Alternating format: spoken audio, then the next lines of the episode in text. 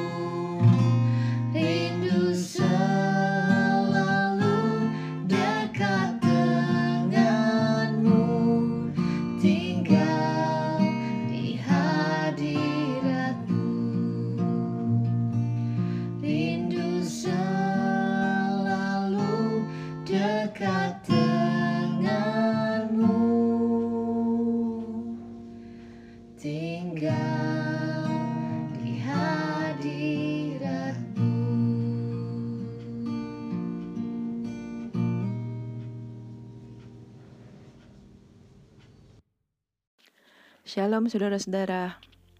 Pembacaan Efesus 1. Salam dari Paulus Rasul Kristus Yesus oleh kehendak Allah kepada orang-orang kudus di Efesus, orang-orang percaya dalam Kristus Yesus. Kasih karunia dan damai sejahtera dari Allah Bapa kita dan dari Tuhan Yesus Kristus menyertai kamu. Kekayaan orang-orang yang terpilih. Terpujilah Allah dan Bapa Tuhan kita Yesus Kristus, yang dalam Kristus telah mengaruniakan kepada kita segala berkat rohani di dalam sorga. Sebab di dalam dia Allah telah memilih kita sebelum dunia dijadikan, supaya kita kudus dan tak bercacat di hadapannya. Dalam kasih, Ia telah menentukan kita dari semula oleh Yesus Kristus untuk menjadi anak-anaknya, sesuai dengan kerelaan kehendaknya, supaya terpujilah kasih karunia-Nya yang mulia, yang dikaruniakannya kepada kita di dalam Dia yang dikasihinya. Sebab di dalam Dia dan oleh darahnya kita beroleh penebusan, yaitu pengampunan dosa menurut kekayaan kasih karunia-Nya yang dilimpahkannya kepada kita dalam segala hikmat dan pengertian. Sebab ia telah menyatakan rahasia kehendaknya kepada kita, sesuai dengan rencana kerelaannya, yaitu rencana kerelaan yang dari semula telah ditetapkannya di dalam Kristus, sebagai persiapan kegenapan waktu untuk mempersatukan di dalam Kristus sebagai kepala segala sesuatu, baik yang di sorga maupun yang di bumi. Aku katakan di dalam Kristus, karena di dalam dialah kami mendapat bagian yang dijanjikan. Kami yang dari semula ditentukan untuk menerima bagian itu sesuai dengan maksud Allah yang di dalam segala sesuatu bekerja menurut keputusan kehendaknya, supaya kami yang sebelumnya telah menaruh harapan pada Kristus boleh menjadi puji-pujian bagi kemuliaannya. Di dalam dia kamu juga, karena kamu telah mendengar firman kebenaran, yaitu Injil keselamatanmu, di dalam dia kamu juga. Jika kamu percaya, dimateraikan dengan roh kudus yang dijanjikannya itu. Dan roh kudus itu adalah jaminan bagian kita sampai kita memperoleh seluruhnya, yaitu penebusan yang menjadikan kita milik Allah untuk memuji kemuliaannya. Doa untuk pengertian tentang kemuliaan Kristus. Karena itu, setelah aku mendengar tentang imanmu dalam Tuhan Yesus dan tentang kasihmu terhadap semua orang kudus, aku pun tidak berhenti mengucap syukur karena kamu. Dan aku selalu mengingat kamu dalam doaku, dan meminta kepada Allah Tuhan kita Yesus Kristus, yaitu Bapa yang mulia itu, supaya ia memberikan kepadamu roh hikmat dan wahyu untuk mengenal dia dengan benar. Dan supaya ia menjadikan mata hatimu terang, agar kamu mengerti pengharapan apakah yang terkandung dalam panggilannya Betapa kayanya kemuliaan bagian yang ditentukannya bagi orang-orang kudus, dan betapa hebat kuasanya bagi kita yang percaya, sesuai dengan kekuatan kuasanya, yang dikerjakannya di dalam Kristus dengan membangkitkan dia dari antara orang mati dan mendudukan dia di sebelah kanannya di sorga. Jauh lebih tinggi dari segala pemerintah dan penguasa, dan kekuasaan dan kerajaan, dan tiap-tiap nama yang dapat disebut bukan hanya di dunia ini saja, melainkan juga di dunia yang akan datang. Dan segala sesuatu telah diletakkannya di bawah kaki Kristus, dan dia telah diberikannya kepada jemaat sebagai kepala dari segala yang ada. Jemaat yang adalah tubuhnya, yaitu kepenuhan dia yang memenuhi semua dan segala sesuatu. Amin.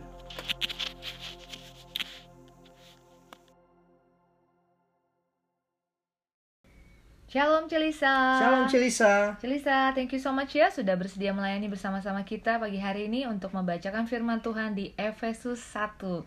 Luar biasa Celisa. Semangat terus ya. God bless you. God bless you. Ayat favorit saya di Efesus 1 ayat 1, 15 dan 16. Saya akan bacakan dalam terjemahan bahasa Inggris NLT. This letter is from Paul, chosen by the will of God to be an apostle of Christ Jesus. I'm writing to God's holy people in Ephesus who are faithful followers of Christ Jesus. Ever since I first heard of your strong faith in the Lord Jesus and your love for God's people everywhere, I have not stopped thanking God for you. I pray for you constantly. Paulus menulis surat kepada jemaat di Efesus. Yang menarik di sini, Paulus menyebut jemaat Efesus sebagai faithful followers of Christ Jesus. Artinya apa? pengikut setia Yesus Kristus di ayat yang pertama disebutkan tadi ya. Dan dia juga menyebutkan bahwa jemaat di Efesus have strong faith in Lord Jesus and your love for God's people everywhere. Katanya mereka memiliki iman yang kuat di dalam Tuhan Yesus dan memiliki kasih kepada umat Tuhan di mana pun. Itu disebutkan di ayat 15. Wow, suatu reputasi yang luar biasa ya yang disebutkan dan didengar oleh Paulus mengenai jemaat di Efesus pada ayat-ayat ini. Sampai Paulus bilang di ayat 16, dia nggak berhenti bersyukur kepada Tuhan atas jemaat-jemaat di Efesus ini. Dan dia terus berdoa bagi mereka secara konstan. Artinya terus menerus. Mantap. Teman-teman kalian ingat gak di Galatia 3 di mana Paulus menyebutkan jemaat Galatia dengan sebutan apa? Foolish Galatian dan ada pula di terjemahan The Message disebut Crazy Galatians. Bodoh dan gila. Beda banget ya antara uh, sebutan kepada jemaat di Efesus sama jemaat di Galatia. Oke teman-teman, ketika kita sudah mengambil keputusan untuk menjadi pengikut Yesus, apakah kita mengalami perubahan hidup? Apakah kita setia kepada Tuhan? Apakah hidup kita menyenangkan hati Tuhan? Bagaimana dengan reputasi kita di hadapan orang lain? Bagaimana orang-orang menilai kita? Label apa yang mereka cap kepada kita ketika mereka mendengar nama kita? Apakah mereka menyebutkan, oh dia mah orangnya baik, menyenangkan, rendah hati, peduli, penuh kasih, dan lain-lain. Ataukah kita disebutkan sebagai orang yang, ah dia mah suka jutek, males, emosi, suka gosip, tukang bohong, cuek, dan lain sebagainya. Nah ini menjadi pembelajaran buat kita pagi hari ini. Kita perlu introspeksi diri kita masing-masing. Apakah kehidupan kita sudah menjadi berkat bagi orang-orang sekitar kita? Ataukah kehidupan kita malah menjadi batu sandungan bagi mereka. Yuk teman-teman, kita belajar untuk menjadi pengikut Tuhan yang setia dan taat kepadanya, hidup dalam kebenarannya, jadi terang dan berkat di mana pun kita berada, sehingga nama Tuhan Yesus dipermuliakan dalam kehidupan kita. Haleluya. Amin. Kalau kita lihat ya di Efesus 1 ini, ini kalau saya dapatnya seperti cerita superhero nih, Lus. Mm semua cerita heroik memang menarik, menginspirasi. Itu sebabnya film-film superhero itu laris manis. Kita semua mungkin pernah berfantasi ya untuk menjadi superhero. Ada banyak sekali cerita baik fiksi maupun non fiksi mengenai hero. Tetapi ada satu cerita yang paling menonjol. Dan kisah heroik ini adalah Christmas. Christmas itu bukan hanya love story, tapi juga ada kisah penyelamatan terbesar yang pernah terjadi di sepanjang sejarah manusia kita selalu ada di hati Tuhan. Sejak dosa pertama dan kejatuhan manusia, Tuhan itu udah merancangkan rencana untuk menyelamatkan manusia. Yes, for us, untuk kita. Karena begitu besar kasihnya untuk kita, bahkan Tuhan sudah merencanakan kematian Tuhan Yesus untuk menebus kita. Kalau kita lihat di ayat yang 11 dan 14, bagaimana pertama kali Tuhan Yesus memilih bangsa Israel dulu lalu memilih kita yang non Yahudi dan sekarang sebagai jaminan dari warisan yang sudah Tuhan janjikan ia memberikan Roh Kudus kalau kita teliti isi Alkitab Tuhan bekerja melalui segala sesuatu bahkan dari sesuatu yang kadang kita kira accident atau kebetulan atau suatu kesalahan tetapi di dalam Tuhan tidak ada yang kebetulan Tuhan bahkan sanggup mengubah kesalahan manusia kesalahan kita menjadi suatu kebaikan dari Tuhan memanggil Abraham untuk masuk ke dalam perjanjiannya walau ia tidak memiliki keturunan dan usianya udah cukup tua. Dari Yusuf dijual sebagai budak. Musa dikejar untuk dibunuh, tapi lalu dipakai Tuhan untuk pembebasan Israel.